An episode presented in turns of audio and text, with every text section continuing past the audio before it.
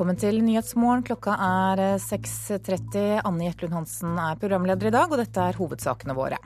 Det blir ikke streik for de kabinansatte i flyselskapet Norwegian. Partene kom til enighet i natt, og de ansatte er lettet. Vi har eh, fått igjennom det samme som pilotene fikk tidligere i eh, våres.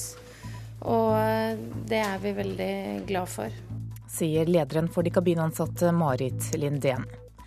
Norske kjøttprodusenter forventer økte priser allerede fra nyttår, når regjeringen øker tollsatsene. Og korsang på arbeidsplassen fører til økt trivsel og bedre helse.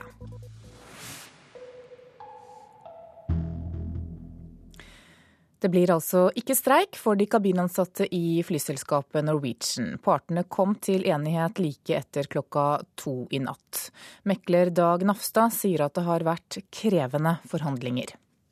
Det har vært um, ganske tøffe, fordi det har vært um, i utgangspunktet mange punkter som partene har stått et godt stykke fra hverandre.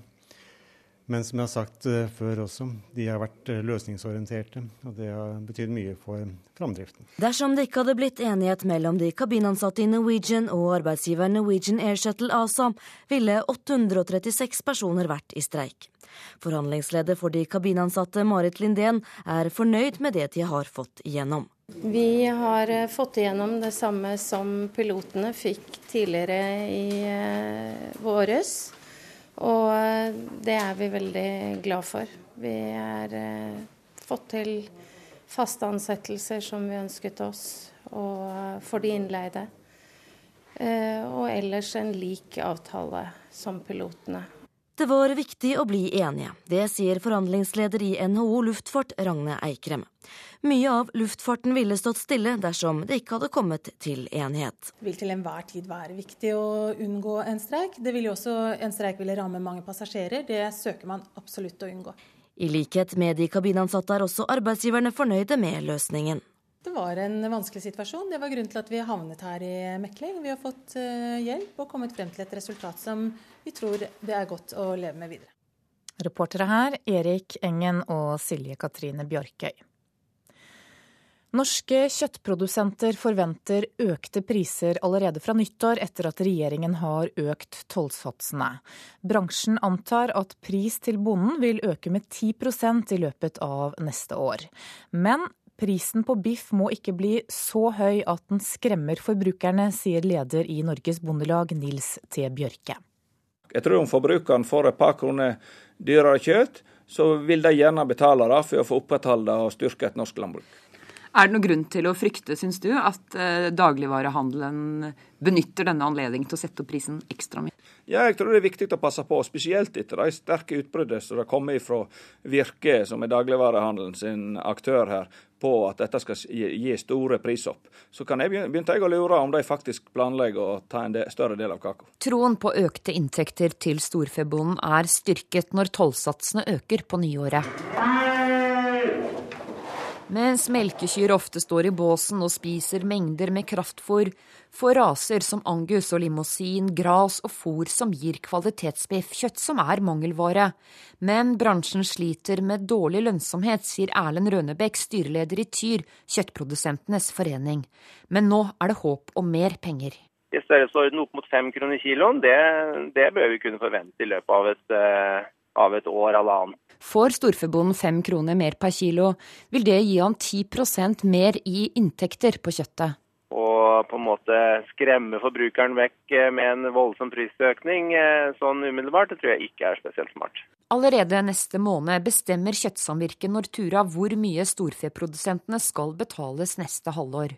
Og vårens jordbruksoppgjør vil vise om regjeringen og Bondelaget er villige til å prioritere storfebransjen foran resten av bondestanden. Men så vi må se på mulighetene for å styrke storfekjøttproduksjonen vår. Sier leder i næringskomiteen Terje Aasland fra Arbeiderpartiet, som syns det er naturlig å prioritere biffnæringen. Men om andre bondenæringer skal ha mindre, vil han ikke mene noe om. Nå skal jeg være varsom med å forskuttere noe som eh, egentlig ligger til jordbruksavtaleforhandlingene. Å tjene penger på svin og kylling er langt enklere enn å tjene penger på kvalitetsbiff. Per i dag er det overskudd på norsk svin, overskudd som selges billig utenfor landets grenser. Spørsmålet er om regjeringen tør å gå inn for endringer i jordbruksoppgjøret som i mindre grad tilgodeser svinebonden og kyllingprodusenten. Det er helt opplagt at eh, vi trenger å se på mulighetene for å styrke storfeproduksjonen, og dermed også kanskje gjøre eh, noen justeringer i kurs over tid for å styrke storfekjøttproduksjonen i Norge. Reporter var Line Tomter. Høyesterett har bestemt at den skal behandle saken fra Nordreisa, der selskapet Avfallsservice brukte GPS-logg for å dokumentere at de ansatte tok for lange pauser. Arbeidsgiveren vant fram med saken i både tingretten og lagmannsretten. Rådgiver Tore Inge Hoås i Fagforbundet har stor tro på at de vinner frem når Høyesterett behandler saken 15.1 neste år. Det er klart at Når Høyesterett har valgt å ta inn eh, saken til behandling, så er det jo en eh, svært prinsipiell sak. og Vi har jo store forhåpninger å nå frem og at våre eh, standpunkter blir hørt på. Det var Jørn Roar Rolstad som gikk til sak mot sin arbeidsgiver etter å ha blitt oppsagt fra avfallsservice. Avfallsselskapet brukte GPS-logg for å dokumentere at han og andre tilsatte tok for lange pauser. Hoaas sier at de har gode argumenter når Høyesterett nå skal behandle sak over nyttår. Saken er jo tapt i to rettsinstanser. og i ettertid så har jo også LO hevet seg på banen, eh, Transportarbeiderforbundet hevet seg på banen. Så vi har jo eh, kan man si, hele fagbevegelsen og Datatilsynet som står bak oss i de prinsipielle holdningene vi har til denne saken. her. Så det blir jo veldig viktig rett og slett for hele arbeidslivet i Norge hvordan utfallet av denne saken vil bli. Hvor langt man kan gå i å overvåke sine ansatte via datatekniske hjelpemidler? Ja, akkurat hvor langt man kan gå og overvåke uten at de ansatte og tillitsvalgte er klar over hva de skal brukes til. Reporter var Nils Meren. Riksantikvaren går ikke inn for å frede Utøya. I et brev til Riksantikvaren i september ba 202 etterlatte etter 22.07 Riksantikvaren om å vurdere dette. I sitt svar så har Riksantikvaren konkludert med at den ikke ønsker å bruke 22.07 som grunnlag for å frede Utøya etter kulturminneloven. Kinas telekomgigant Huawei kan bli utestengt fra det amerikanske markedet. USA frykter at selskapet er påvirket av myndighetene i Kina, og på den måten kan være en sikkerhetstrussel for amerikanerne. Det kommer frem i et forslag som etterretningskomiteen i Kongressen i Washington DC har utarbeidet. Og Asia-korrespondent Anders Magnus, hvor stort er Huawei internasjonalt? Det er verdens nest største produsent og tilbyder av telekommunikasjonsutstyr. Eh, bare så vidt i hælene på svenske Eriksson, og kommer sannsynligvis til å bli det største i verden i løpet av dette året. Så det er et gigantisk selskap. Hva selger de? De selger eh, alt fra mobiltelefoner til basestasjoner for mobiltelefoner og sentralbord og alt som har med telekommunikasjoner å gjøre, men også deler til datamaskiner og Det er også eh, en del av bekymringen til amerikanerne. Hvilken tilknytning har selskapet til myndighetene i Kina? Det er det ingen som vet noe om, og det er en av de store anklagene mot Huawei. At de ikke er åpne om eh, sine forbindelser. Men det er jo ikke mulig i et land som Kina, hvor alt er hemmelig som foregår på topplan. Det er en egen partikomité i bedriften, og hvor mye den styrer, vet man ikke. Han som stiftet partiet, har bakgrunn fra militær eh, etterretning. Og om det er eh, Forsvaret som egentlig styrer eh, denne bedriften, vet man heller ikke. Fordi i Kina så er slike ting veldig lite åpent. Og det er også et problem at han som stiftet denne bedriften, han må nå skifte om å være styreleder i firmaet sammen med tre andre ansatte som er utpekt av denne partikomiteen i Huawei. Nå kan altså selskapet bli utestengt fra det amerikanske markedet. Hva er det amerikanerne er redde for? De er redde for spionasje, først og fremst. Både fra eh, deler som er produsert og som er puttet inn i datamaskiner, men også fra telekommunikasjonsutstyr, selvfølgelig. Industrispionasje er voldsomt stort. Det er opp mot 2000 milliarder eh, tap eh, i året. 2000 milliarder kroner tap i året som amerikanerne regner som tap til industrispionasje til Kina. Men de er også redde for eh, rett og slett eh, at det skal skje noe hvis det blir konflikt mellom landene. At eh, det i utstyret er skjult hemmelige koder som kan utløses eh, fra Kina, slik at utstyret rett og slett kan slås av hvis det blir konflikt mellom USA og Kina. Det er slike ting man er redde for, og man er også redde for at det sender tilbake informasjon eh, fra nettverket til Kina. Så, så det er mange slike sikkerhetstrusler man, man tror kan være til stede, men man har ennå ingen bevis. og Det er også veldig vanskelig å etterforske slike ting, for det er nesten umulig å finne slike koder i, uh, i telekommunikasjonsutstyr. Norske Telenor og NetCom har kjøpt en rekke basestasjoner av Huawei. Burde regjeringen her vurdere om selskapet bør utestenges også fra Norge? Ikke bare Norge, men også mange europeiske land og Canada og New Zealand har kjøpt veldig mye fra Huawei.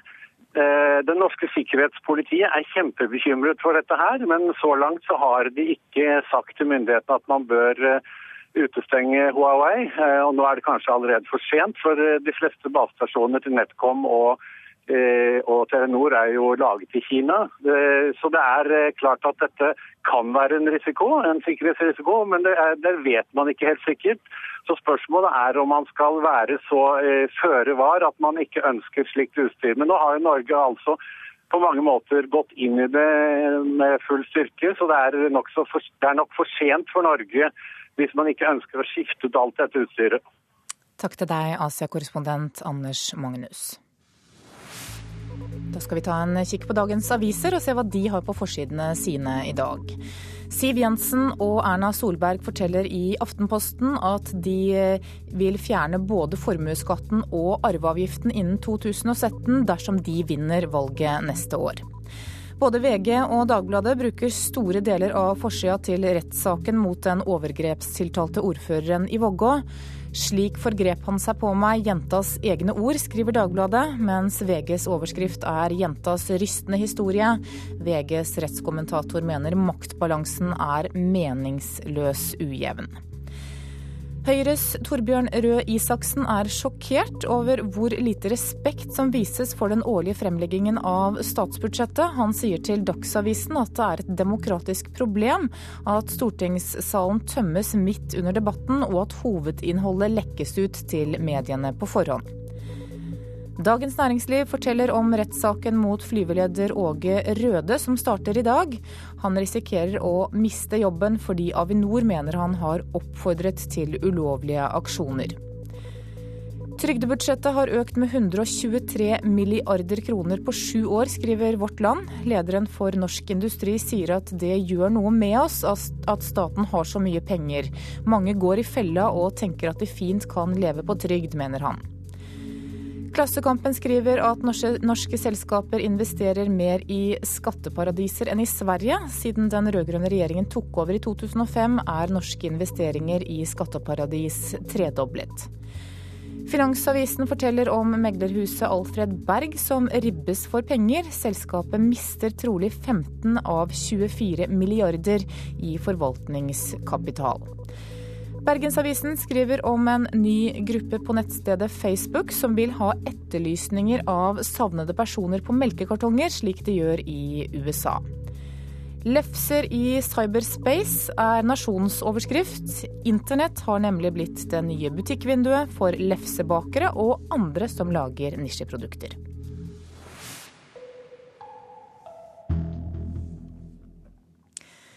I dag arrangeres verdensdagen for psykisk helse for 20. gang. Undersøkelser viser at mellom 15 og 20% av barn og unge i Norge til enhver tid har psykiske problemer. Og Rikke Filippi, du er prosjektleder for verdensdagen for psykisk helse. Hvorfor er det behov for en slik dag?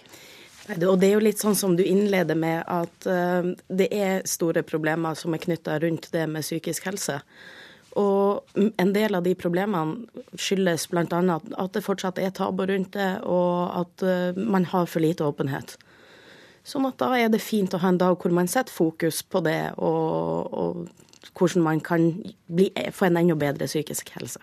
Ja, I år så er det 20 år siden verdensdagen ble arrangert for aller første gang. Hvilken betydning har den hatt? Vi ser, vi gjennomfører hvert år en evaluering av uh, verdensdagen. Og våre arrangører melder tilbake at uh, da man starta for 20 år siden, så gikk folk stort sett forbi standen, og kanskje en fire-fem brosjyrer forsvant i løpet av en hel dag. Eh, I år så ser vi 2000 ungdommer samla utenfor, eh, eller i Haugesund sentrum.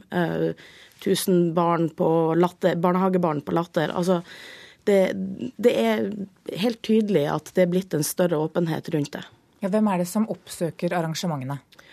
Det er veldig mangfoldig, egentlig. Um, det er alt fra folk som har psykiske helseutfordringer, til uh, den vanlige mann i gata og barn og unge. Kan lese i dag at nye tall fra Nav viser at legemeldt uh, sykefravær knyttet til psykiske lidelser har økt kraftig siden år 2000, og at lettere psykiske lidelser også har økt kraftig i samme periode. Hvorfor tror du at det er sånn? Det er litt vanskelig å svare på, men um, jeg tror at større åpenhet uh, faktisk må ta en del av kall det skylda, da. Men uh, det er blitt lettere å si at man har vondt inni seg, og at man ikke har vondt i ryggen eller vondt i magen. Og, og, det tror jeg kan være en medførende årsak til at man får flere som havner inn under det begrepet. Og årets tema er 'Alle har psykisk helse'. Hva legger dere i det? Nei, det er jo sånn at Psykisk helse er så mye mer enn bare sykdom. Um, det er noe om at vi alle kjenner på at livet går opp og ned. Og at det er ting i hverdagen som vi kan gjøre for å styrke den psykiske helsa vår, sånn at vi er bedre rusta til å stå imot livets svingninger. Takk til deg, Rikke Filippi, som er prosjektleder for Verdensdagen for psykisk helse. Da skal vi ha sport. Norge er ikke gode nok til å kvalifisere seg til fotball-VM i Brasil om to år. Det sier Trond Sollid, som er den norske treneren i den belgiske klubben Gent. Han har mange års erfaring som trener i utlandet, i bl.a. Belgia, Nederland og Hellas. Ja, ok, ciao, ciao. Språket er internasjonalt på trenerkontoret i Gent. Fra treningsfeltet i Belgia har Trond Solli noen klare betraktninger om Norges VM-sjanser før årets to siste kvalikkamper. Norge per i dag har jo en unik mulighet, men jeg tror ikke laget er godt nok. Fordi at uh, foryngelsesprosessene har ikke gått fort nok i Norge. I tillegg savner ranværingen enerne. Vi har ikke noen stjerne. Vi har ikke noen profiler, og det, det bekymrer meg. At Drillo i tillegg sliter med proffer som ikke spiller i klubbene sine ute, er også et moment Solli vektlegger. Ja, det er klart det, det, det, er et stort problem for Norge. Å ta ut spillere som ikke spiller jevnlig på høyt nivå, blir, eh, er problematisk. Derfor spår Solli et Brasil-VM uten norsk deltakelse i 2014. Jeg tror ikke det, nei. Ja, men den lille skepsisen har jeg sjøl, den. Så det, jeg deler jo hans synspunkter på det. Vi er i en gruppe hvor mange lag er jevne, og vi kommer til å spille jevne kamper hele veien. Så det kommer til å bli jevnt og tøft. Så jeg føler meg ikke trygg på at vi havner i Brasil, nei, for all del. Og det sa Egil Drille Olsen til slutt, reporter Gunnar Grinstein. Du hører på Nyhetsmorgen i NRK P2 og Alltid nyheter. Klokka er 6.48, og dette er hovedsaker i nyhetene i dag.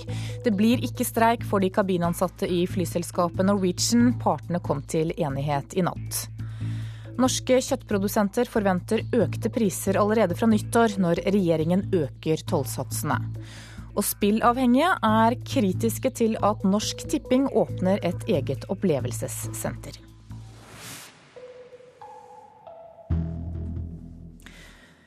Hvite, små trehus er kjennetegnet på mange av sørlandsbyene. Men også langs denne kyststripen utfordres gammel kultur i stadig større grad av moderne byggeskikk. Vi har vært på besøk i Risør, en av byene hvor diskusjonen om utseendet kanskje går høyest. Ved havna ligger lange brygger med mengder av småbåter. Risør er en turby med en koselig skjærgård. Flere vil nok hevde at det har skjedd svært lite i Risør siden NRK var på såkalt mikrofonbesøk i 1950. I alle fall rent bygningsmessig. Men Tine Bang, som sitter i bystyret for partiet Rødt, er glad for nettopp dette. Der hun står midt i byen og ser seg omkring på de toetasjes hvite trehusene som omkranser Indre havn, er det nettopp sånn hun ønsker Risør fortsatt skal se ut. Ja, jeg gjør i grunnen det. Det er derfor jeg flyttet hit i sin tid. Men kunne ikke noen fancy bygninger ute i eh, havgapet her da, løfte litt på ansiktet til Risør? Ordet fancy og ny arkitektur er ofte et sånn skalkeskjul for at det blir voldsomt og eh, litt dårlig, syns jeg. Willy Thorsen er daglig leder for byens sportsforretning. I tillegg bor han midt i Risør sentrum, men er av en helt annen oppfatning. Det som på en måte er redd for for Risør, det er det at vi skal bli en fullstendig en soveby. At det blir helt dødt der. Og det, det, er jo ingen som er tjent med det. Det må være liv her hele året. Men det er slett ikke bare Risør som har en konflikt mellom de som kun vil ha en hvit treby, og de som er litt mer liberale. Også i andre sørlandsbyer, som f.eks. Tvedestrand og Lillesand, har den samme diskusjonen gått. Som oftest med bakgrunn i at sentrumsområdet store deler av året nærmest blir liggende folketomt og uten liv. Ordfører i Risør, Per Christian Lunden, gjør så godt han kan for å balansere mellom de to leirene, men uttrykker samtidig at han helst vil slippe å bo i en museumsby. Jeg føler at eh, byen er eh, godt bevart, og noen ganger får du en sånn følelse at vi har vært litt for strenge. Eh, men det er også en veldig god følelse å bo i, i den byen. Men vi må utvikle oss, og vi må ha mennesker i byen. Og vi må skape omgivelser for menneskene. Thomas Hirsch er kulturvernleder i Aust-Agder fylkeskommune. Han nøler ikke med å trekke fram Risør som en by i særklasse, både i norsk og sørlandsk sammenheng. Man regner jo at Risør er eh, av de best bevarte trehusbyene i Norge. Noen sier jo at den er liksom i internasjonal klasse som en trehusby. Eh, litt eh, over de andre byene langs sørlandskysten. Jeg syns den bør være som den er nå. Det er jo det vi er kjent for. Men blant tilfeldige mennesker på gata i Risør var det uenighet om hvite trehus eller moderne fasader er det man ønsker seg. Det skader ikke med noen annen farge enn akkurat det der er hvite. Jeg syns at uh, vi skal holde den stilen vi har i dag. Ikke noe funkis her i gården? Nei, kanskje litt. Helt til sist, Tine Bang fra partiet Rødt. Kommer du til å flytte fra byen igjen hvis Risør mister sitt særpreg? Det kan hende det. Jeg kommer fra et veldig fint sted, da. Så det kan hende jeg reiser dit etter hvert, hvis det blir for ille. Reporter var Ingve Stiansen. I desember åpner Norsk Tipping et flunkende nytt opplevelsessenter til 17 millioner kroner på Hamar. Hjelpelinjen for spillavhengige er kritiske til at det statlige spillselskapet etablerer et slikt senter. Det 650 kvadratmeter store senteret skal bl.a. inneholde en interaktiv drømmegenerator, der besøkende kan få oppfylt drømmene sine. Drømmegeneratoren skal ligge i senteret av senteret. kan du si. Hun viser Drømmegeneratoren, en 360 graders sømløs TV-skjerm til to millioner. Den finnes det ikke maken til i Norge, og ikke i verden. Elin Stokkenes er ansvarlig for innholdet i opplevelsessenteret som åpner på Norsk Tipping i Hamar 12.12. et multimedielt senter til 17 millioner som skal fortelle Norsk Tippings historie fra 1948 til nå. Den viktigste historien vår å fortelle, det er hva vi bidrar med til i samfunnet. Hjelpelinjen, du snakker med Mette? Hjelpelinja for spilleavhengige ved Sykehuset Innlandet får hvert år rundt 1100 henvendelser fra folk som er avhengige av spill. Norsk Tipping eh, er på stadig jakt etter nye inntekter.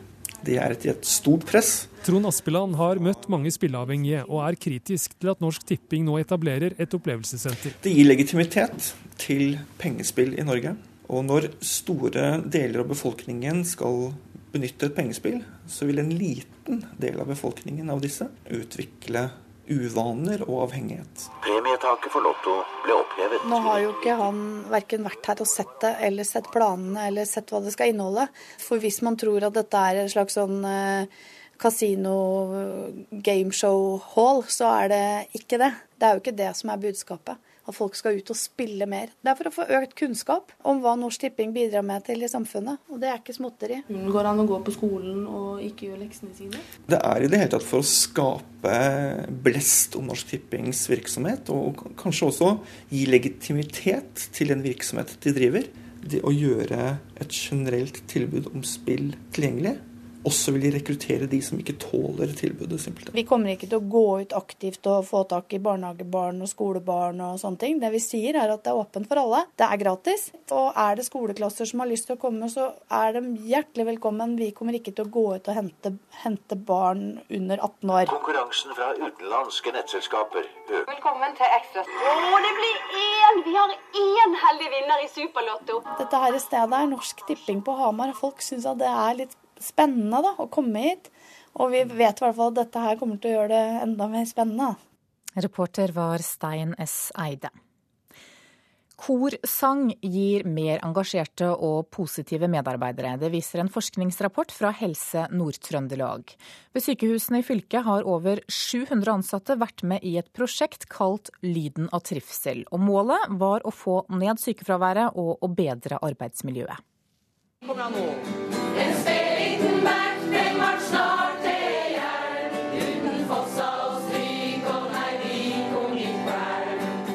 satt jo og sang på vaktrommet. Vi øva jo eh, på ettermiddagene. Pasientene klappa jo for å sitte i gangene her. sånn. Sier Monica Hauke, sykepleier ved Namsos sykehus.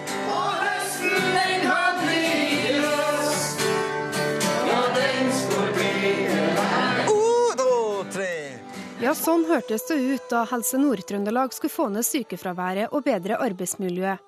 Over 700 ansatte ble med i kor. Det har gitt noe i hverdagen. Det har eh, gitt noe positiv effekt for den enkelte å føle at det er virkelig artig. Enda artigere å være på jobb, og det å kunne jobbe sammen med kolleger, eller delta sammen med kolleger i en aktivitet på fritid. Eh, at det da bekreftes gjennom denne forskningsrapporten, det syns jeg er veldig positivt. Det sier Arne Flått, administrerende direktør ved Sykehuset Namsos, som var en av de ivrigste deltakerne. Opplegget var inspirert av TV 2-konseptet Det store korslaget og fikk støtte av Kulturdepartementet. Sykefraværet gikk ned med 10% under sangperioden. Og ny forskning viser at korsang på kveldstid har bedra arbeidsmiljøet ved sykehusene i Nord-Trøndelag. Resultatene er at uh, de som deltok, rapporterte uh, en bedring, engasjement i arbeidsmiljøet sitt og i sin egen helse, i sammenligning med dem som ikke deltok da. Det sier Jonas Våg, psykolog og doktorgradsstipendiat ved Helse Nord-Trøndelag. Våg har nylig publisert en forskningsartikkel i tidsskriftet Arts and Health. Blant mye forskning, inklusiv over 130 medisinske doktorgrader, har de funnet koblinger mellom kultur og helse. Og det ble også gjort i Nord-Trøndelag. Eh, vi fikk positive tilbakemeldinger fra reviewerne, altså dem som vurderte eh, artikkelen, eh, om at de syntes at det var et veldig interessant tema. Og at det kanskje det viktigste funnet er jo å finne ut at det ikke er skadelig. Sant? Fordi at man kan jo se for seg at det er ganske mye andre positive effekter av av sang som ikke nødvendigvis er så enkel å måle, eller, men at det ikke, ikke er skadelig for arbeidsmiljøet. Det, det er i hvert fall fint.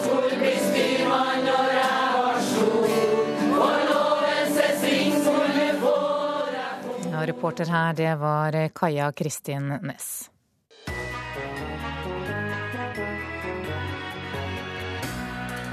I Colombia har myndighetene og FARC-geriljaen slåss mot hverandre siden midten av 60-tallet. Det har kosta 240 000 mennesker livet. Nå samles de to partene i Oslo for å innlede fredsforhandlinger. Kan det endelig gå mot fred i Colombia, eller vil forhandlingene strande enda en gang? Hør om FARCs besøk i Norge i Radioselskapet klokka 11. Da skal vi se på et værvarsel som gjelder til midnatt. Fjellet i Sør-Norge nordvestlig bris, av og til frisk. Først på dagen spredte sludd- og snøbyger i vestlige områder, vesentlig nord for Finse. Ellers opphold og perioder med sol. Agder, Telemark og Østlandet nordvestlig bris. Frisk på kysten vest for Lindesnes. Lettskyet, pent vær. Vestlandet sør for Stad skiftende bris. Enkelte regnbyger. Snø over 500 meter. I kveld etter hvert oppholdsvær. Møre og Romsdal og Trøndelag vest- eller nordvestlig bris. Enkelte regnbyger. Snø over 500 meter. I kveld skiftende bris og avtakende byg byggeaktivitet. Nordland skiftende bris. På kysten nordvestlig periodevis frisk bris. Enkelte regnbyger og snø over ca. 700 meter. Troms for det meste sørlig bris. Enkelte regnbyger i Sør-Troms. Ellers stort sett oppholdsvær og perioder med sol. Finnmark kan vente seg sørøstlig bris i dag, om ettermiddagen dreiende sørlig. Av og til litt regn i indre strøk, ellers oppholdsvær. Og på kysten er det ventet perioder med sol. På Spitsbergen sørøstlig frisk bris, litt regn og sludd av og til. Og på Nordensjøland sørøstlig bris. Litt regn i morgentimene, senere skyet eller delvis skyet oppholdsvær. Og det er ventet omtrent uendret temperatur over hele landet og lokal nattefrost.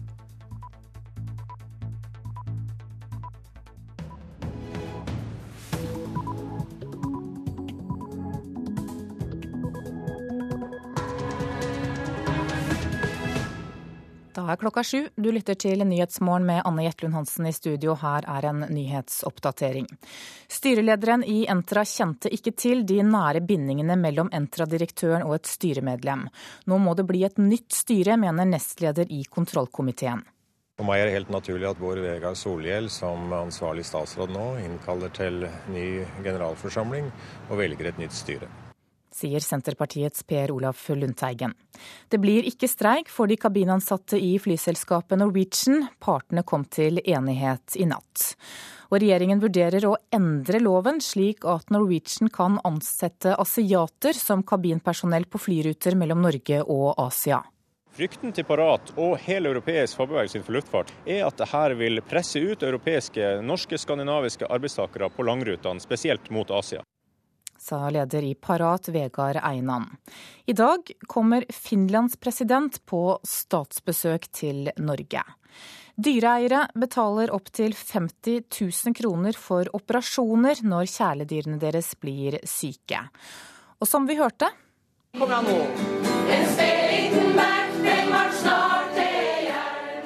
Korsang på jobben fører altså til økt trivsel og bedre helse. Nyhetsmorgen. Da skal det handle om Entra. For styrelederen i selskapet Siri Hatlen sier i sitt første intervju til NRK at hun ikke kjente til de nære bindingene mellom styremedlem Kjetil Fjæringen og Entra-direktør Rune Olsø. Nå advares det mot å gi henne og de andre profesjonelle styremedlemmene sparken, men Hatlen erkjenner at det kan bli utgangen. Den kunnskapen eh, jeg har om dette, er eh, den orienteringen som eh, Kjetil Fjæringen ga til styret i et ekstraordinært møte i forrige uke. Det han har lagt til grunn overfor styret, er at de er bekjente, men ikke har noen personlige eller økonomiske bindinger. Før møtet i forrige uke visste altså styreleder i Entra ingenting om bindingene mellom Kjetil Fjæringen og Entra-direktør Rune Olsø. De to har arbeidet tett sammen på flere store prosjekt i Trondheim, og de skal ha vært på hyttetur sammen. Det er Rune Olsø sin gode venn, næringsminister Trond Giske, som får Fjæringen inn i Entra-styret. Og Fjæringen lukkes til slutt med sine forsøk på å få Olsø tilsett som administrerende direktør med millionlønn. I Dagsrevyen 21 i går kom nok en gang kravet om at hele styret må byttes ut, denne gangen fra nestleder i kontrollkomiteen Per Olaf Lundteigen fra Senterpartiet. For meg er det helt naturlig at Bård Vegar Solhjell som ansvarlig statsråd nå innkaller til ny generalforsamling og velger et nytt styre. Gunnar Ekbo deler hvert år ut prisen til årets styreleder og leder Styreinformasjon AS. Han advarer sterkt mot å sparke hele styret, og har ett råd til regjeringa. Det er å lytte på toppene i styret, uh, tror jeg er det riktige i denne sammenheng. Men din støtte går um, til Siri Hatland i denne saken, sånn som den står nå? Det gjør det. Siri Hatlen sjøl erkjenner at hun kan bli kasta som styreleder i eiendomsselskapet. Frykter du at enden på den visa blir at du må gå? Jeg tror at, eh, at jeg, i likhet med de andre, eh, både styre og ledelse, er innstilt på at eh, vi gjør det som er best for Entra samlet sett. Og så får personlige ønsker om det ene eller det andre komme i andre rekke. Mm. Reportere her var Astrid Randen, Fredrik Solvang og Ingunn Solheim. Og da har vi fått besøk av bedriftsrådgiver Kjersti Johanne Steinskog, som er daglig leder i Business Inspirator, et selskap som gir råd og veiledning til styrer og konsernledelser. Og Steinskog, aller først, hva slags fremtid har Entra-styret etter det som har skjedd? Det kan bli veldig vanskelig for styret. Eh, mm, takk for at jeg har fått komme. Eh, nå sa Hatlen eh, noe som jeg syns var veldig riktig. Det er jo opp til eier å vurdere. Og det andre er å ivareta selskapets interesse. Det er noen parter her som har påført selskapet et tap ved manglende vurderingsevne. Og det, de tapene de må de jo gå grundig inn i og vurdere hvorfor og hvordan har de havnet i denne situasjonen. Og det er noen dyder som er brutt, og det er ganske viktig. Altså dette med å eh, sette person og roller og makt foran selskapets interesse. Og det vi har snakket lite om i denne saken, det er markedet, omdømmet, medarbeidere, kunder. Og nå skal kanskje selskapet inn i en vanskelig prosess med å finne en selskapsform. Så her må det være tillit eh, til grunn mellom partene. Så at eier må være veldig nøye med å ha et styre som er omforent. Og styreleder må bruke tid på å bygge denne, dette fundamentet. Ikke minst mot eier, men også i sitt uh, eget styre. Det er alltid ulike syn i styret, og når det er viktige saker. Og uh, styrearbeid er praktisk håndverk. Og man må være litt dreven, for å si det slik. Man må kunne klare å integrere ulike oppfatninger og, gi styret og seg selv tid. Og det er veldig viktig her. Du er bedriftsrådgiver. Hvilke konkrete råd ville du gitt dersom du skulle gitt råd i forhold til Entra? Akkurat nå så vil jeg jo be styret og eier å sette seg ned og si hvordan har vi havnet her? Og se på sin egen vurderingsevne og se på hvilke muligheter de har for å ivareta selskapets interesser. Det er jo 23 milliarder som er bygget opp her over ti år. Det er betydelig. Og de skal først og fremst tenke på selskapet sammen. Og da må de ha styre som har tillit og integritet. Og de må ha en, en konsernsjef som er helt uh, plettfri, altså uten noen uh, vurderinger som følger ham. Hvorfor velger han å gjøre slik han gjør, hvordan tenker han, ikke sant. Vi må ha uavhengighet i, i rollene, og det er veldig viktig. Helt kort eh, til slutt. Eh, er det selskapets beste nå at noen går? Det kan godt være. Takk til deg, Kjersti Johanne Steinskog, som altså er daglig leder i Business Inspirator.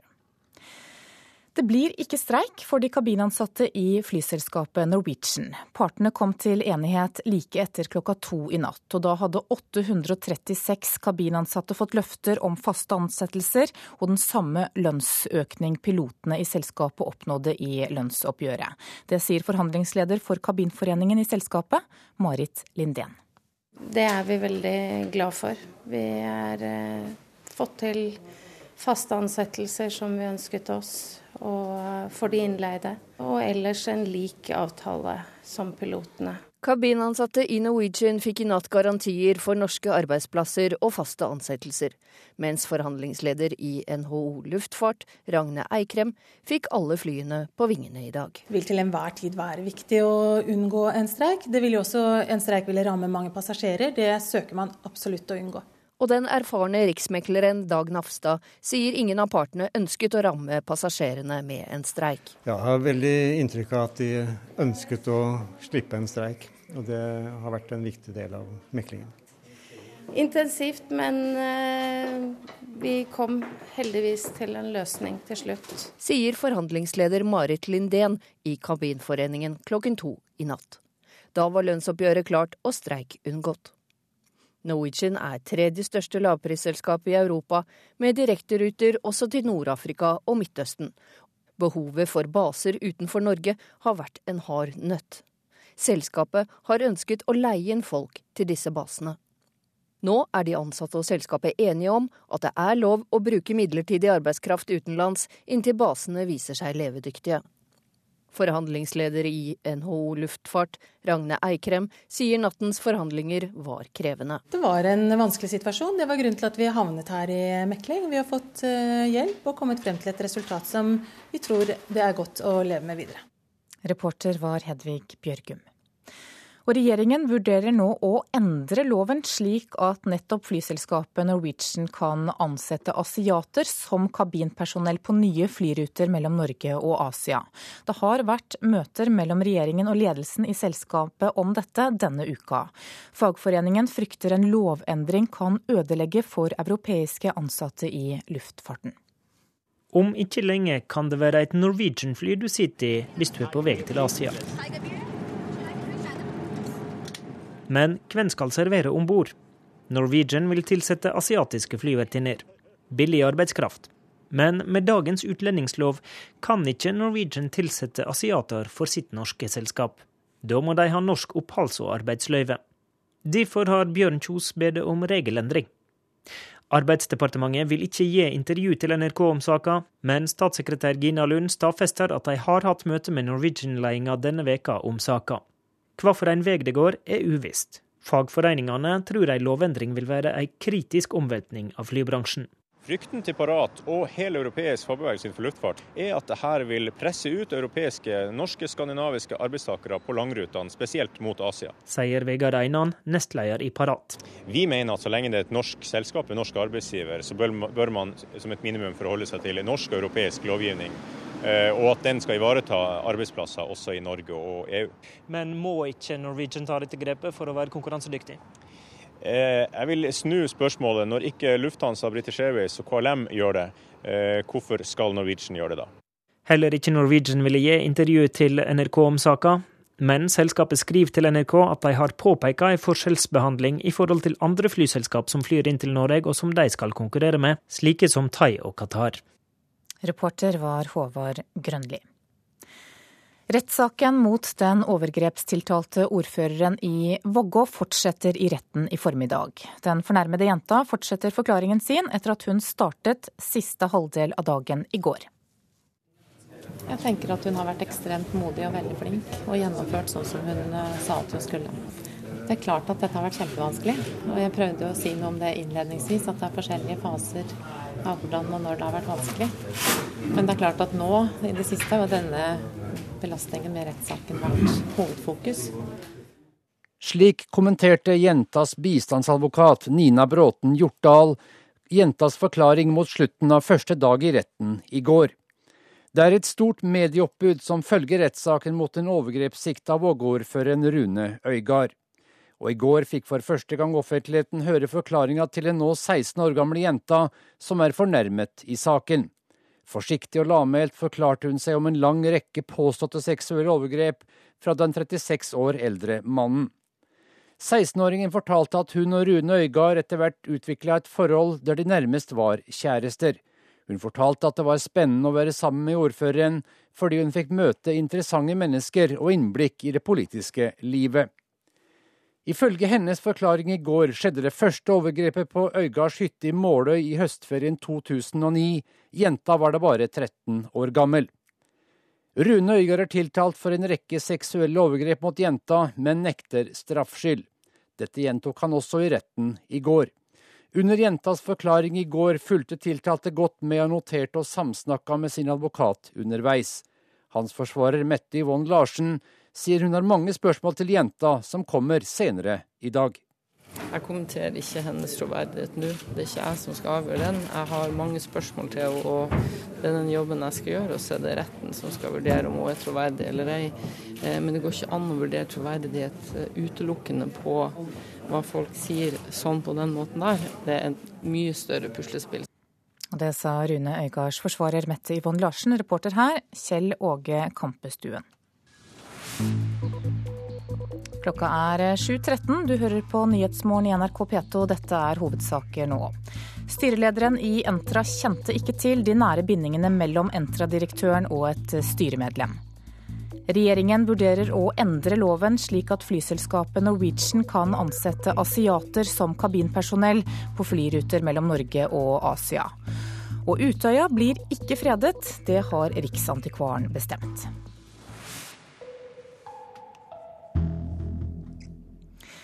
I dag kommer Finlands president Sauli Ninistø på statsbesøk til Norge. Det finske presidentparet skal møte både kongeparet og statsministeren, og skal også til Tromsø, der klima og miljø vil stå i sentrum.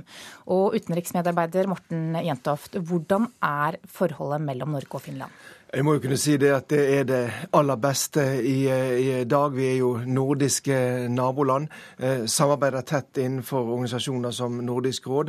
Handel går for fullt mellom landene, selv om noen sikkert håper at den skal bli bedre. Man kan fly mellom Oslo og Helsingfors direkte mellom seks og ti ganger for dagen.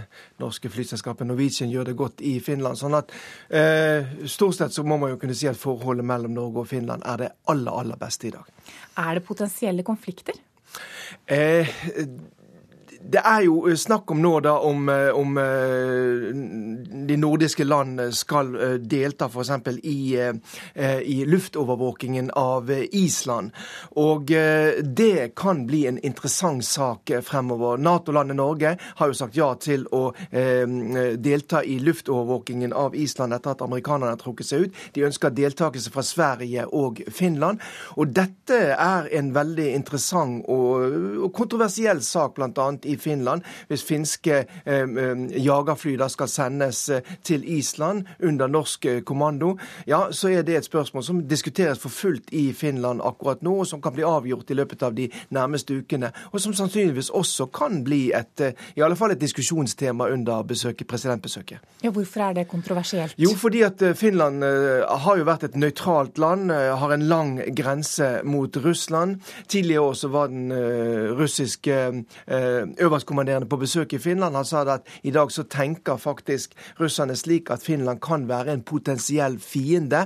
Sånn at finnene er veldig forsiktige når det gjelder sikkerhetspolitikk fremdeles, selv om man sier at man har oppgitt den tradisjonelle eh, kan du si, uavhengigheten, altså nøytraliteten som man har hatt eh, tidligere. Så er dette ting som fremdeles er følsomme i Finland.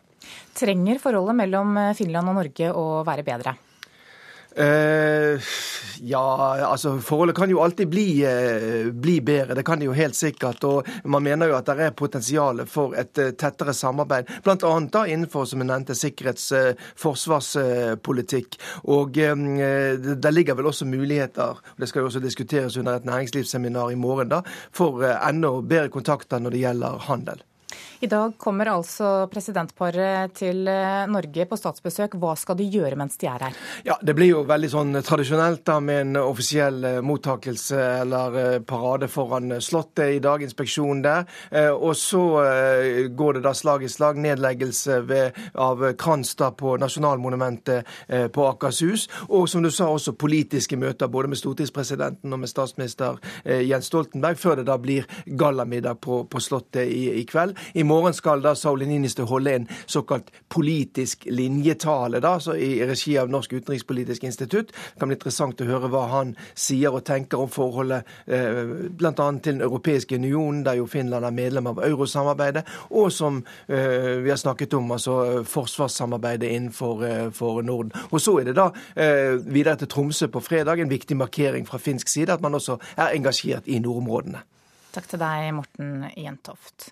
Vi skal videre til eh, Russland. I Moskva starter ankesaken eh, fra de tre straffedømte jentene i punkergruppa Pussy Riot. Saken ble utsatt til i dag fordi en av de tiltalte sparket advokaten sin. Og NRKs Moskva-korrespondent Hans Wilhelm Steinfeld, de tre ble altså dømt til fengsel i tre år. Hvilke mulighet er det for at anken fører fram? Før denne ankesaken har statsminister Dmitrij Medvedev sagt at det er meningsløst å holde de tre jentene innesperret. I tillegg har den russisk-ortodokse kirke, som er fornærmet i saken, sagt at hvis de tre jentene uttrykker anger for sin aksjon der de avbrøt gudstjenesten i Vår Frelserkatedralen, vil Kirken gå i forbønn overfor retten for de tre straffedømte. Eh, så skal vi holde oss til dette, så er det von i hangende snøre. En av kvinnene har altså sparket advokaten sin, og aktor mente at dette var en uthaling av saken. Men får hun støtte? Ja, faktisk. En advokat som sitter i Dumaen og som skrev loven om advokatetikk, kommenterte det hun gjorde ved å si at altfor mange russiske advokater bruker forsvarsvervet i politiske saker til fremme for egen karriere, eh, og glemmer at jussen skal de utøve i rettssalen. Så slik sett fikk hun sympati for det hun gjorde fra han som skrev selve advokatetikk-loven. Venstrefrontens leder er innkalt til avhør i dag. Hvorfor det? Sergej Odalsov heter han. Han er blitt eh, filmet i hemmelighet av FSB under møter med en georgisk Saakashvili-politiker, hvor det ble diskutert at de skulle prøve å gripe makten i byen Kaliningrad. Og til og med veldig liberale folk som professor Vladimir Kirillov i Nedre Tagil, som grunnla Memorial der, mener at Odalsov tilhører en ekstremisme av den typen bolsjevikene representerte i 1917. Han er innkalt i dag, denne Odalsov, til eh, Russlands etterforskningskomité. Så får vi se hva avhøret munner ut i, om det blir en siktelse eller ikke. Hvordan er situasjonen generelt for dissidenter og, eller annerledes tenkende i Russland akkurat nå? Både Helsingforskomiteens leder og eh, Human Rights Watch forteller om stadige trusler og politisk press fra formodentlig krefter som står myndighetene nær. Og de opposisjonelle tolker dette som et press som utøves for at dissidentbevegelsen skal få mer enn nok til å forsvare seg selv, heller enn å formulere politiske problemstillinger som opptar folk. Altså en måte å lamme annerledes tenkning på. Og flere av dem er jo nominert til Nobels fredspris. Hva sier de om det? Jo, dette gjelder primært eh, Svitlana Ganushkina fra bevegelsen eh, deltakelse og Helsingforskomiteens leder Ljudmila Aleksejeva.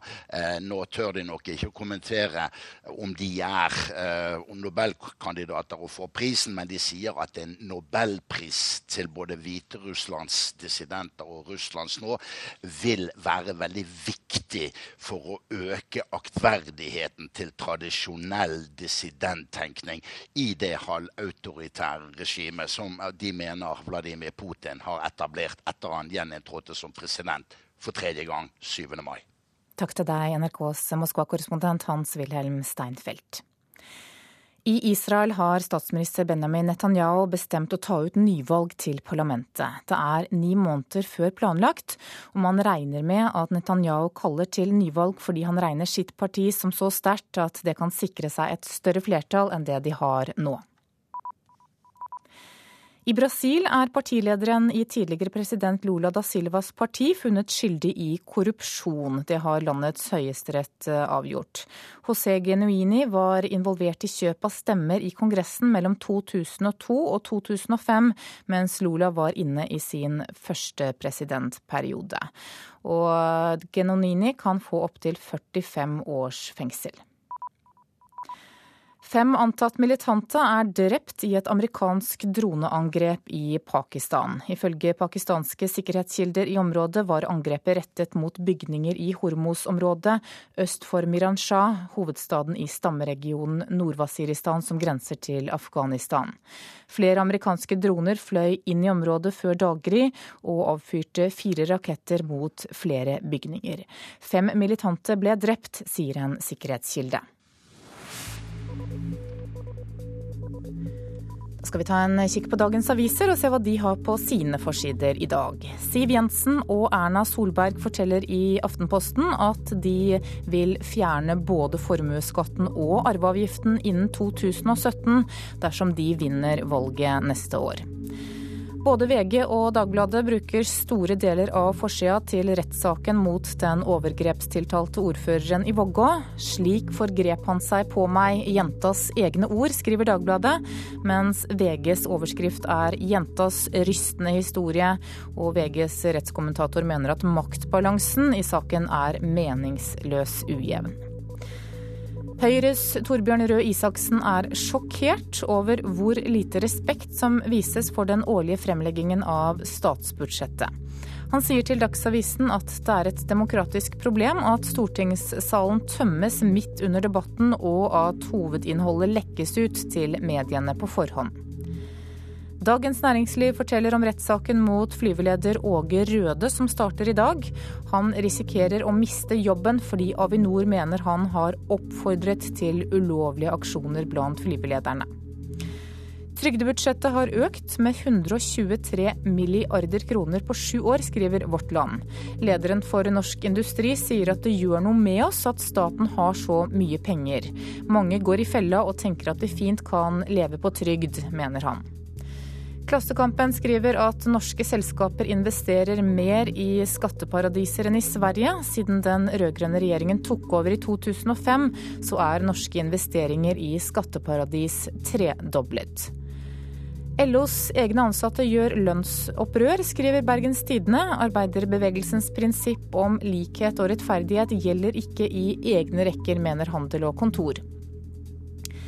Sykefravær knyttet til psykiske lidelser har økt med 20% i Norge de siste ti årene. Det skriver Adresseavisen. Finansavisen forteller om meglerhuset Alfred Berg som ribbes for penger. Selskapet mister trolig 15 av 24 milliarder i forvaltningskapital. Stavanger Aftenblad gir deg et hjertesukk fra en dansk sykepleier som har fått nok av livet som vikar i Stavanger etter bare fire måneder. Mangel på betaling er én av grunnene til at hun er misfornøyd.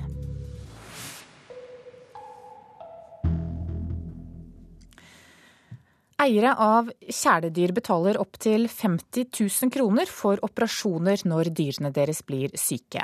Ansatte ved Smådyrsykehuset i Gjøvik forteller at mange ikke orker å avlive dyrene, og heller tar opp lån. Og så driver de og gnager på seg sjøl på beina. Du hadde sett noe utslett, var det ikke sånn? Ja, under det som er så rart er at det har vært Vi er på Smådyrsykehuset i Gjøvik. Sigrid Lindberg fra Gausdal er her med hunden sin tilbakevendende hudinfeksjon og problemer med fordøyelse. Behandlingen blir trolig av det billige slaget. Men hudinfeksjoner er bare én av mange lidelser som veterinær Tore Berg tar seg av. Tusenlappene flagrer hvis andre sykdommer rammer hunden eller katten din. Standard korsbåndoperasjoner f.eks. kan ligge på fra 25 til noen og 30 000. En lam pasient som kanskje må ligge her i 14 dager før den er på beina igjen etter en ryggoperasjon, det kan koste oppigjen 40 000-50 000. Det, det kan det lett bli. Hva sier eierne når de forstår at de står foran en utgift på flere 10 000 kroner? Altså, Det er jo en stor fordel da om dyret er forsikra. Og i dag så finnes det gode forsikringsordninger på både hund og katt. Um, har de ikke forsikring, så er jo dette et familiemedlem. Og folk velger ofte da selv, om de ikke har forsikring, også å gjøre operasjonene. Tar de opp lån? Noen har gjort det. Altså Dette er jo på lik linje med om man da har lyst til å kjøpe seg en lystbåt til flere hundre tusen kroner og legge på litt for skinninteriør og ditt og datt. Og noen velger da å bruke det på myke verdier som hund. Og vi kommer overhodet ikke opp i de prisklassene som folk ellers bruker på fritidsbåter, andre fritidsaktiviteter. Når man kjøper bil, så bestiller man selvsagt med klima, skinnsetter, soltak, selv om det er klima.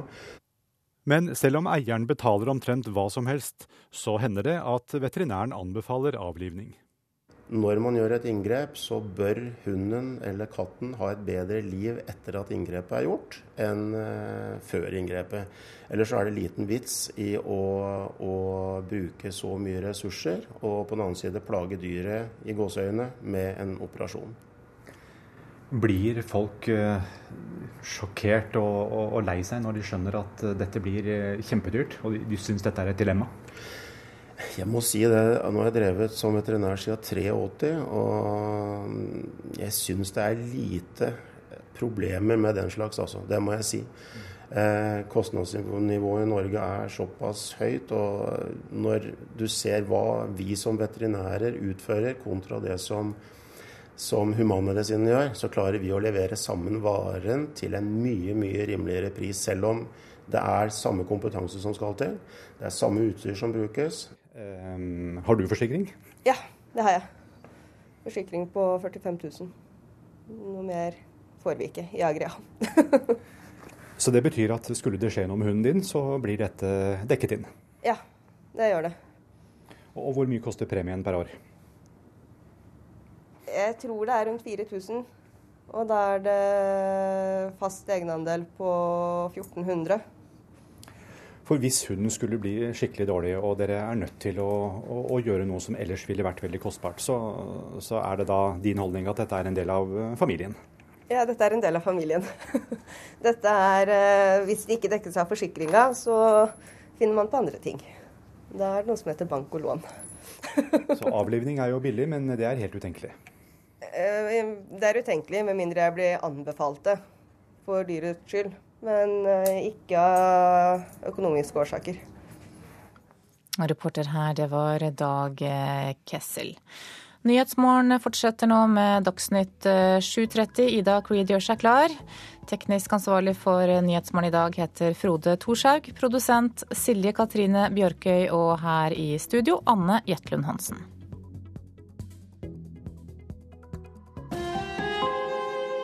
Hør ekko. Jeg er trøtt. Jeg visste ikke at livet med små barn handler om å få nok søvn til å overleve. Livet med barn er faktisk beinhard jobbing. Hvorfor viser folk bare fram familieidyllen på Facebook? Ærlige fortellinger fra generasjon tidsklemme. Ekko 9 11 i NRK P2.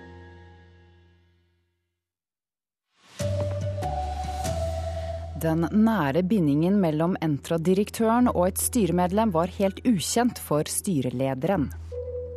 Utøya blir ikke fredet, har Riksantikvaren bestemt. Trond Solli er skeptisk til om Norge greier å komme til fotball-VM i Brasil om to år. God morgen, her er NRK Dagsnytt, klokken er 7.30.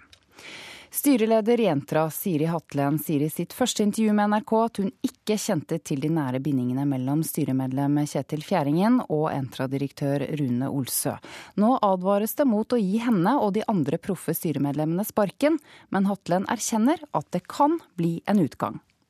Den kunnskapen eh, jeg har om dette, er eh, den orienteringen som eh, Kjetil Fjæringen ga til styret i et ekstraordinært møte i forrige uke. Det han har lagt til grunn overfor styret, er at de er bekjente, men ikke har noen personlige eller økonomiske bindinger. Styrelederen visste altså ingenting om de nære bindingene mellom styremedlem Kjetil Fjæringen og Rune Olsø da han blei tilsett som administrerende direktør. De to har arbeidet tett sammen på flere store prosjekter i Trondheim, og de skal ha vært på hyttetur sammen. Det er også Fjæringen som etter flere forsøk får gjennomslag for å tilsette Giskevenen som direktør med millionlønn. Nestleder i kontrollkomiteen Per Olaf Lundteigen sa i går at han mener hele styret må gå av. For meg er det helt naturlig at Bård Vegar Solhjell som ansvarlig statsråd nå innkaller til ny generalforsamling og velger et nytt styre. Gunnar Ekbo, leder av Styreinformasjon AS, advarer sterkt mot å sparke hele styret. Og han har ett råd til regjeringa. Det er å lytte på toppene i styret. Uh, tror jeg er det riktige i denne sammenheng. Siri Hatlen sjøl erkjenner at hun kan bli kasta som styreleder i eiendomsselskapet. Frykter du at enden på den visa blir at du må gå? Jeg tror at, uh, at jeg, i likhet med de andre Eh, både styre og ledelse er innstilt på at eh, vi gjør det som eh, er best for Entra samlet sett. Og så får personlige ønsker om det ene eller det andre komme i andre rekke. Reportere her var Astrid Randen, Fredrik Solvang og Ingunn Solheim. Det blir ikke streik for de kabinansatte i flyselskapet Norwegian. 836 kabinansatte fikk løfter om faste ansettelser og lønnsøkning lik den pilotene fikk i lønnsoppgjøret. Og hensynet til å unngå streik preget meklingen fra begge sider, sier meklingsmann Dag Nafstad klokken to i natt. Jeg har veldig inntrykk av at de ønsket å slippe en streik. Og det har vært en viktig del av meklingen. Kabinansatte i Norwegian fikk i natt garantier for norske arbeidsplasser og faste ansettelser, mens forhandlingsleder i NHO Luftfart, Ragne Eikrem, fikk alle flyene på vingene i dag. Det vil til enhver tid være viktig å unngå en streik. Det vil jo også, en streik ville ramme mange passasjerer. Det søker man absolutt å unngå. Norwegian er tredje største lavprisselskap i Europa, med direkteruter også til Nord-Afrika og Midtøsten. Behovet for baser utenfor Norge har vært en hard nøtt.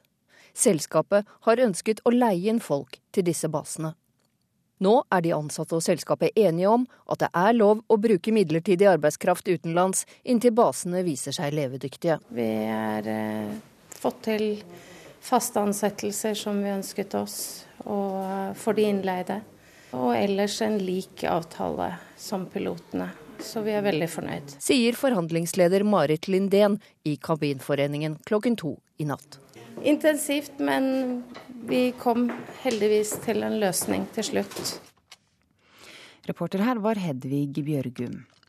Og regjeringen vurderer nå å forandre loven, slik at Norwegian kan ansette asiatere som kabinpersonell på nye flyruter mellom Norge og Asia. Fagforeningen frykter at det kan ødelegge for europeiske ansatte i flybransjen.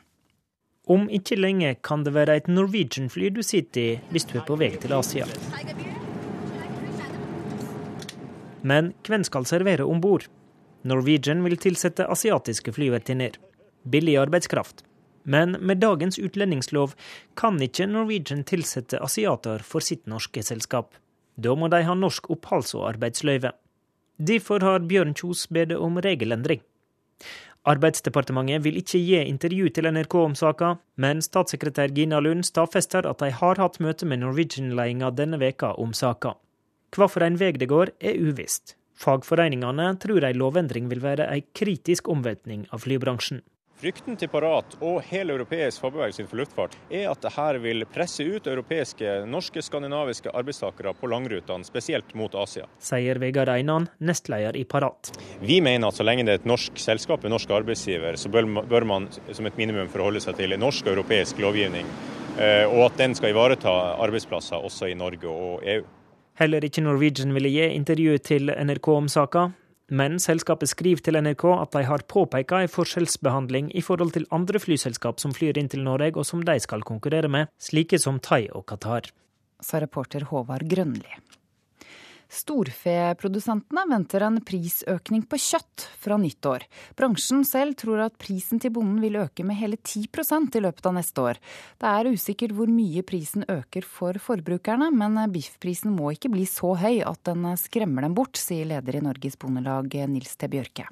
Jeg tror om forbrukeren får et par kroner dyrere kjøtt, så vil de gjerne betale det for å få opprettholde og styrke et norsk landbruk.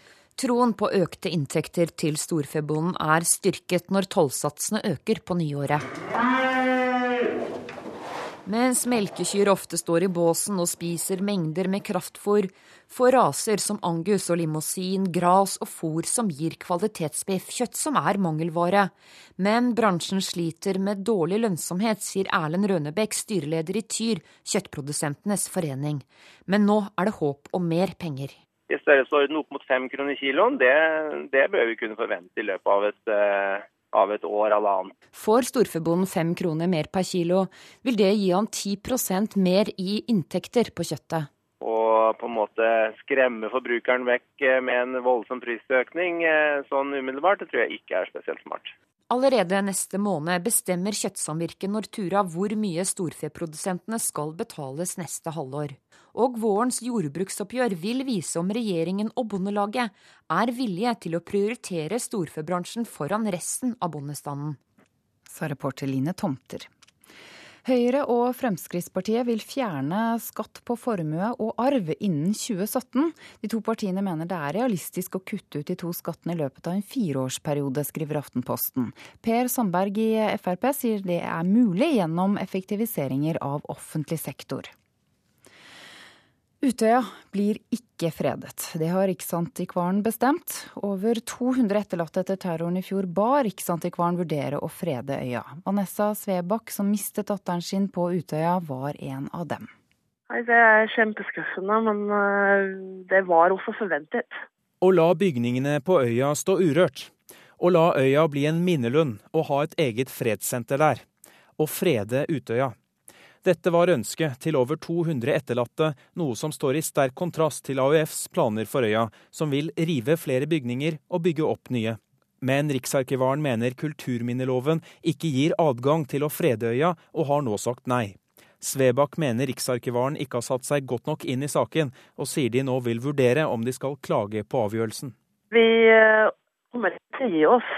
Eh, nå er vi en klagemulighet. Eh, vi fikk det brevet eh, seint i går ettermiddagen. Så vi har ikke hatt muligheten å diskutere med de etterlatte som skrev under brevet om veien videre. Og det nok vil være tema for oss i dag. Reporter Haldor Asvald. Norge er ikke gode nok til å kvalifisere seg til fotball-VM i Brasil om to år, sier den norske treneren i belgiske Gent, Trond Solli. Han har mange års erfaring som trener i utlandet, i bl.a. Belgia, Nederland og Hellas. Ja, ok, ciao, ciao. Språket er internasjonalt på trenerkontoret i Gent. Fra treningsfeltet i Belgia har Trond Solli noen klare betraktninger om Norges VM-sjanser før årets to siste kvalikkamper. Norge per i dag har jo en unik mulighet, men jeg tror ikke laget er godt nok. Fordi at uh, foryngelsesprosessene har ikke gått fort nok i Norge. I tillegg savner ranværingen enerne. Vi har ikke noen stjerne. Vi har ikke noen profiler, og det, det bekymrer meg. At Drillo i tillegg sliter med proffer som ikke spiller i klubbene sine ute, er også et moment Solli vektlegger. Ja, det er klart det, det, det, er et stort problem for Norge. Å ta ut spillere som ikke spiller jevnlig på høyt nivå, blir, eh, problematisk. Derfor spår Solli et Brasil-VM uten norsk deltakelse i 2014. Reporter her var Gunnar Grinstein. Ansvarlig for denne sendingen er Gro Arneberg. Teknisk ansvarlig Frode Thorshaug. I studio Ida Creed.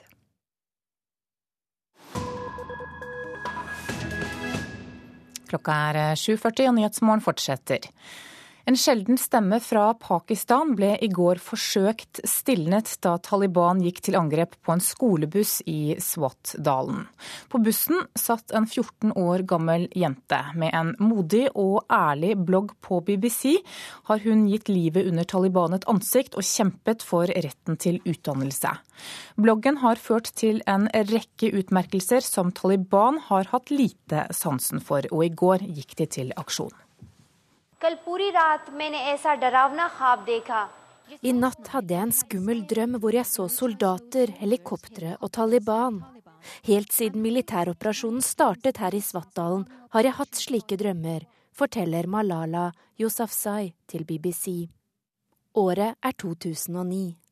Malala er bare elleve år gammel, men har begynt å blogge for BBCs kanal som sender på urdu, under pseudonymet Gull Makai. På bloggen forteller hun om hvordan livet er forandret etter at Taliban tok over dalen i 2007.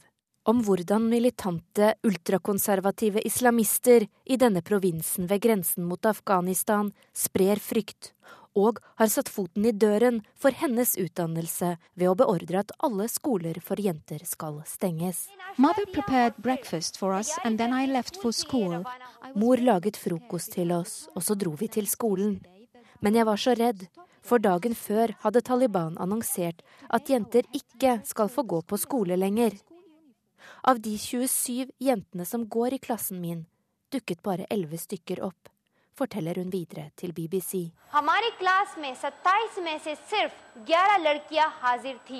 Bloggen vekker oppmerksomhet. At en liten jente våger å fortelle om livet under Taliban. Om islamister som har innført sharialov forbudt musikk i biler og frarøvet jenter retten til utdannelse. Men ønsket om å fortsette på skolen er større enn frykten, og Malala fortsetter å skrive mens kampene raser rundt henne. Slag som driver én million mennesker på flukt. Først etter at Taliban drives ut av dalen av pakistanske regjeringsstyrker, blir det kjent hvem bloggeren er. Regjeringen i Islamabad reagerer ved å tildele Malala den første nasjonale fredsprisen i Pakistans historie. Hun nomineres til en internasjonal barnefredspris og deltar i to dokumentarer i amerikanske New York Times. Men selv om Taliban offisielt er drevet ut av Swat, er det ikke trygt å tale fritt for jenta. Det har Taliban selv gitt klar beskjed om. Men Malala lar seg ikke stoppe. Tirsdag 9. oktober 2012. I går. En gruppe skjeggete menn stanser skolebussen i Svartdalen. En av dem spør etter Malala Yousafzai. Kulen treffer skallen, men hjernen til den spede jenta unnslipper. En annen kule skal ha truffet en venninne i skulderen. Det forteller overkonstabel Rasul Shah i politiet. Malala Yousafzai sahaba, På det lokale sykehuset kjemper de for å berge livet hennes. Samtidig, i Senatet, forteller statsministeren at han har sendt et helikopter til dalen for å få jenta flyttet til et sykehus i Peshawar.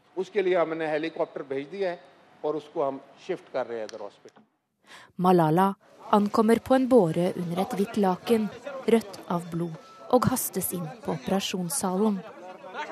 Tirsdag kveld forteller legene at hun er utenfor livsfare og sannsynligvis ikke vil få varige hjerneskader. Men Pakistan er nå i sjokk. Og beskjeden fra Taliban i går kveld hjelper ikke stort på nervene. Hun er en vestligtenkende jente. Hun taler alltid mot oss. Vi angriper alle som står opp mot Taliban. Det var utenriksmedarbeider Charlotte Bergluf som hadde laget denne saken. Klokka er 7.44. Eh, Hovedsaker i nyhetene nå er at den nære bindingen mellom Entra-direktøren og et styremedlem var helt ukjent for styrelederen. Utøya blir ikke fredet, det har Riksantikvaren bestemt. Og det blir ikke streik for de kabinansatte i flyselskapet Norwegian. Partene kom til enighet i natt. En bitter debatt om eh, innstramming i abortloven har nådd Politisk kvarter, programleder Bjørn Myklebust.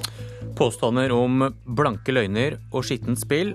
Det startet her i trontalen når Helga Pedersen forteller hva som blir konsekvensen av Høyres abortpolitikk. Så kan kvinner bli tvunget til å bære frem foster som f.eks. mangler hjerne.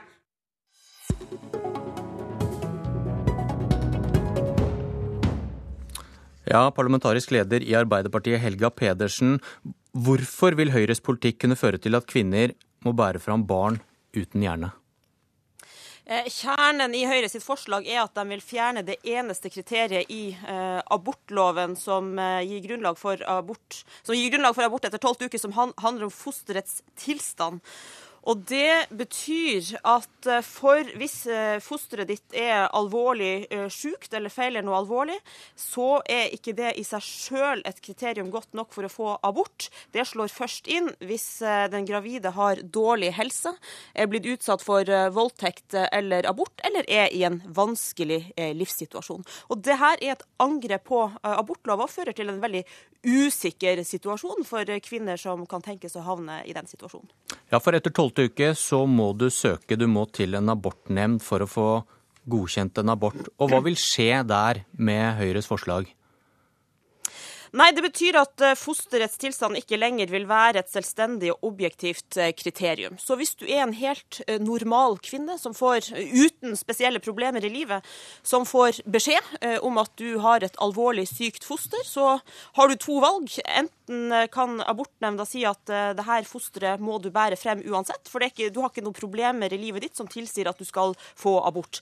Alternativt så kan du trygle og be abortnemnda og eh, si at du er i en veldig vanskelig livssituasjon, eh, eh, si at mannen din har trua med å gå fra deg, i det hele tatt brette ut livet ditt for abortnemnda. Og Det vil føre oss i en situasjon der du går bort fra objektive kriterier som handler om fosterets tilstand, til en mer skjønnsbasert tilnærming. Og jeg mener at dette vil sette mange kvinner i en helt uverdig situasjon. Leder av helse- og omsorgskomiteen på Stortinget, Bent Høie fra Høyre. Hvorfor mener du at Pedersen ljuger? Nei, Det er rett og slett fordi at det ikke er sant, det hun sier. Eh, og jeg er ikke bare leder av helse- og omsorgskomiteen, jeg er jo leder av Høyres programkomité, så det er jeg som har skrevet forslaget som Pedersen her nå maler ut på en feilaktig måte. Og Det som jeg jo syns er dumt, da, det er jo at eh, Arbeiderpartiet har fått beskjed om dette nå i flere uker, men allikevel ikke forholder seg til det som Høyre sier er vår egen politikk, men lager en fantasiversjon. Eh, og Det syns jeg er synd, fordi at det vi foreslår, er jo òg Arbeiderpartiet imot. Og det hadde vært mye mer konstruktivt om vi faktisk hadde en diskusjon eh, om det vi foreslår, som vi er uenige om, fordi det er en viktig diskusjon. Eh, det som vi foreslår, det er nemlig at, eh, at eugenisk integrasjon som et selvstendig kriterium skal endres i abortloven. Og Det betyr i realiteten en innstramming, men ikke en innstramming som innebærer at foster som har en situasjon som er uforenlig med liv, som det eksempelet Helga Pedersen trekker fram, eh, vil noen, eh, i noen tilfeller, uansett kvinnens situasjon, eh, kvinnen tvinges til å bære fram. Og Det som Helga Petersen her sier, viser jo òg at du har lite kjennskap til dagens lov, der en f.eks. uavhengig av kriteriene òg sier at det skal legges stor vekt på kvinn, hvordan kvinnen sjøl bedømmer egen situasjon. Men det som hadde vært interessant, det var jo å utfordre Arbeiderpartiet på i de situasjoner der dette reelt Men vi, vi, vi, må, få, vi, må, få, klarhet i dette her Nei, først, Høie. Hvor, hvorfor, hvorfor, skulle Pedersen da med viten og vilje ljuge om deres forslag? Nei, Det er fordi at hun ikke ønsker å gå inn i det som er den faktiske diskusjonen, det som er det vanskelige spørsmålet, nemlig med at vi i realiteten i dag har en abortlov der vi har fri abort for alle inntil tolvte uke. Men så har vi òg i realiteten fri abort for barn som eh, har funksjonshemninger, og da funksjonshemninger som er eh, på en måte fullstendig forenlig med et fullverdig liv, eh, som Downs syndrom, som ryggmargsbrokk, som Turners. Der er realiteten abortgrensen opp mot 18 uker. Det mener vi fører til et uh, sorteringssamfunn, fordi at uh, her tar ikke kvinnene et valg i et vakuum. Dette påvirkes òg av de normene som er i samfunnet. Det ser vi bl.a. fra Danmark, der mer av Arbeiderpartiets politikk er gjennomført. Der fødes det nesten ikke barn lenger, verken med Downs syndrom eller Turner syndrom. Og Turner syndrom er et, en, realiteten at kvinner, for dette gjelder bare kvinner, blir kortvokste. Eh, det er grunnlag for et selvstendig grunnlag for å få abort opp mot 18. uke. Det fører til et samfunn som blir mindre tolerante for mennesker som er annerledes. Og dette oppleves ikke minst for alle de som i dag vokser opp med disse, eh, disse situasjonene som diskriminerende at vi i Norge har en lov som sier at eh, har et foster din, er et foster i din situasjon, så er det lov til å ta abort eh, opp mot eh, 18 uker. Men er fosteret frist, så er den grensen satt til 12 uker. Pedersen, du hevder fremdeles at Høie mener noe han ikke mener? Nei, Det er vel og bra at han eh, nå sier at uh, kvinner ikke skal tvinges til å eh, føde foster som mangler hjerne, eller som man er helt sikker på ikke skal overleve. Men det gjenstår jo en rekke tilstander som Høyre ikke har noe svar på. Og hele poenget her er at man går bort fra objektive kriterier som handler om fosterets sykdom og tilstand, til en mer skjønnsbasert tilnærming basert på kvinnens tilstand. Og så må jeg få lov til å si også at jeg syns Eh, Bent Høie nå forenkler en veldig vanskelig debatt. For det er jo helt klart at det er dilemmaer og etiske problemstillinger som er veldig vanskelige knytta til barn med Downs eh, syndrom. I 2010 så ble det innvilga 43 eh, aborter eh, etter 12. uke som handla om Downs syndrom. Og jeg tror ikke det var et enkelt valg for noen av de eh, kvinnene som fikk innvilga de abortene. Men, og vi kan like eller ikke like de valgene, men at en privilegert høyremann som aldri vil havne i den situasjonen, skal sette seg til doms over de veldig vanskelige valgene som noen få kvinner i det norske samfunnet gjør, det må jeg bare si at jeg tar avstand ifra. Høie? For det første så handler ikke dette om meg, det handler om Høyre. Den diskusjonen går i Høyre, og det skal vi også snart uh, få høre. Jeg syns det er litt spesielt om Helga Pedersen skal avskjære menn til å være med i å diskutere abortloven. Det ville vært en veldig spesiell tilnærming til politikk. Men uh, jeg er nå glad for at Helga Pedersen går vekk fra de uhyrlige påstandene hun kom fra med i trontalen, og er nå interessert i å diskutere det som er dilemmaet her. Og, spørsmålet er jo Eh, hvordan dette påvirker og oppleves for de som eh, lever i dag med disse eh, situasjonene.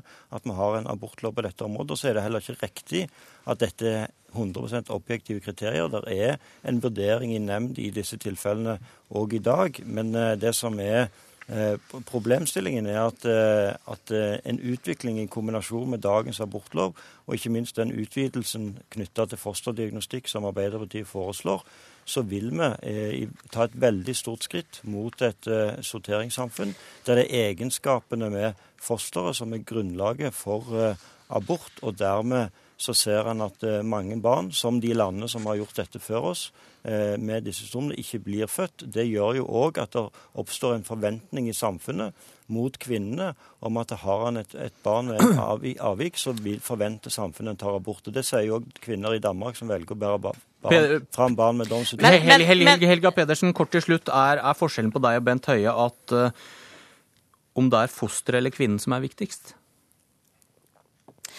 Nei, forskjellen på meg og Bent Høie er at uh, jeg mener at politikerne ikke skal sette seg til doms over de veldig vanskelige valgene som en del kvinner blir utsatt for. Og så må jeg jo si at det er et stort paradoks i Høyres sin politikk. For de mener at, ultra, at tidlig ultralyd er helt greit å gi som tilbud i private klinikker for dem som bor i nærheten av en privat klinikk eller har råd til å betale. Men det skal altså ikke bli et tilbud for folk flest i hele okay. landet i det offentlige helsetilbudet. Takk for at du var med Helga Pedersen. Høie, du får lov til å bli sittende, for vi skal gjøre denne øvelsen en gang til. Men nå er Arbeiderpartiet byttet ut med Høyre. Heidi Nordby Lunde, velkommen. Høyres partifelle. På din blogg skrev du 'Nei, Helga lyver ikke'. Ja, Mitt poeng er vel egentlig at ingen av dem lyver, men ingen av dem har helt rett heller. Og Vi hørte jo nettopp hvor opphetet og følelsesmessig denne debatten er. Og jeg var i salen da eh, Høyre vedtok dette i 2009.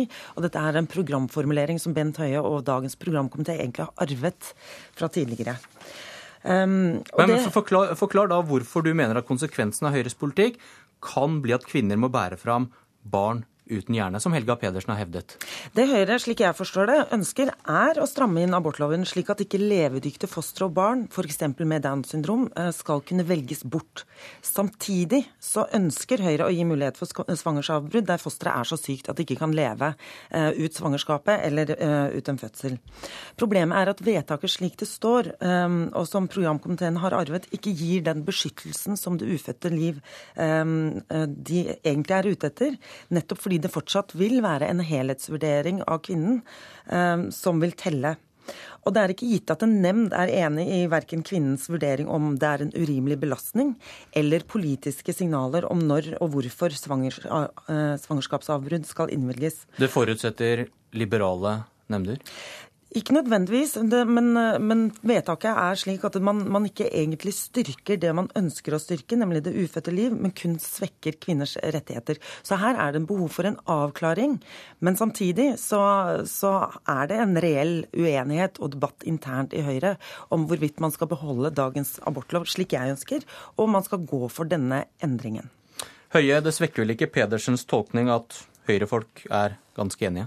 Nei, Nå opplever jeg jo at Heidi òg her sier at uh, det som Helga Pedersen sa om at en skal tvinge kvinner til å bære fram barn uten hjerne, det er nå lagt til jorden en gang for alle. For nå har både Helga Pedersen og Heidi Nordby Lunde sagt at det er ikke det Høyre foreslår. og Det er jeg veldig glad for, for det bringer oss videre i, i denne diskusjonen. Og dette er klart at dette er en diskusjon i Høyre som har gått. Dette er ikke et vedtak fra 2009, dette er et vedtak tilbake igjen fra, fra 90-tallet. Men nå får dere snart makt ja, Kanskje. Etter det, neste år. Og det, og, det, har vi hatt før òg. Eh, og vi ønsker eh, fra flertallets side å endre abortloven.